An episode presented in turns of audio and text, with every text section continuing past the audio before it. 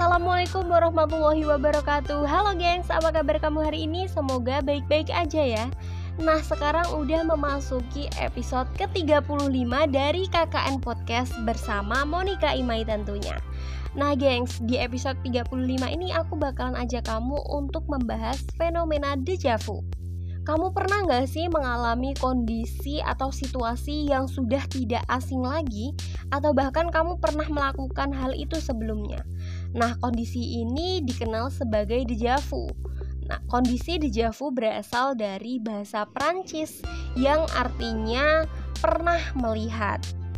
Kondisi dejavu ini tidak perlu dikhawatirkan, gengs. Nyatanya, kondisi ini merupakan hal normal yang bisa dialami oleh siapa saja, termasuk seseorang yang sedang dalam keadaan sehat. Meskipun belum diketahui secara pasti penyebabnya, tapi ada kok beberapa faktor pemicu yang bisa membuat seseorang mengalami dejavu. Nah, dilansir dari Halodoc, dejavu merupakan kondisi di mana seseorang mengalami keadaan serta situasi yang sama dengan pengalaman masa lalunya. Hingga saat ini, peneliti pun belum mampu mengetahui penyebab pasti dari fenomena dejavu, gengs.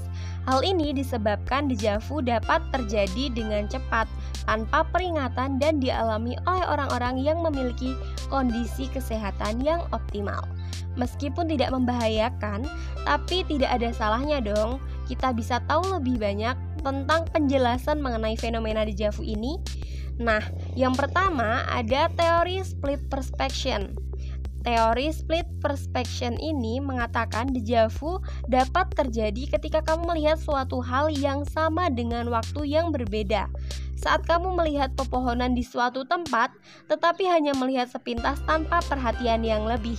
Kemudian kamu melihat pepohonan yang serupa di tempat yang berbeda, otak akan membentuk mengenai ingatan yang kamu lihat. Meskipun informasi yang diterima sangat terbatas karena pandangan yang singkat, inilah yang bisa menyebabkan kamu mengalami kondisi dejavu. Yang kedua, mengalami gangguan otak. Nah, penjelasan lain mengenai fenomena dejavu adalah adanya gangguan otak, gengs. Saat melalui situasi dan kondisi tertentu, otak akan menyerap informasi yang dapat kemudian menyimpan ingatan menuju memori jangka pendek yang akan dialihkan ke memori jangka panjang. Gangguan otak dapat menyebabkan informasi yang diterima otak langsung dialihkan ke memori jangka panjang, gengs.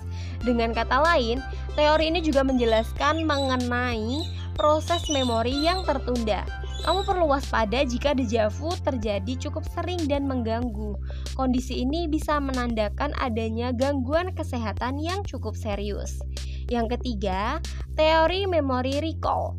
Nah, banyak ahli percaya bahwa fenomena dejavu terjadi berkaitan langsung dengan cara kamu memproses dan mengingat sebuah kejadian. Anna Clary, seorang peneliti dejavu dan seorang psikolog, profesor psikolog di Universitas Colorado telah melakukan penelitian lo gengs. Melalui penelitiannya, ia menemukan bahwa dejavu dapat terjadi sebagai respon terhadap peristiwa yang menyerupai kejadian yang pernah kamu lalui Tapi kamu tidak mengingatnya.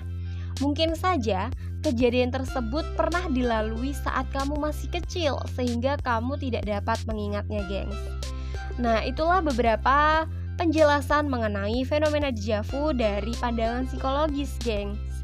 Nah, ketika kamu uh, mengalami fenomena dejavu ini dengan sering, segeralah kunjungi rumah sakit terdekat untuk melakukan pemeriksaan dengan uh, intensitas yang sudah mengganggu aktivitas sehari-hari kamu, gengs. Kamu juga bisa konsultasi ke uh, psikolog loh untuk masalah ini. Nah, terima kasih udah dengerin. Mohon maaf bila ada kata-kata yang salah.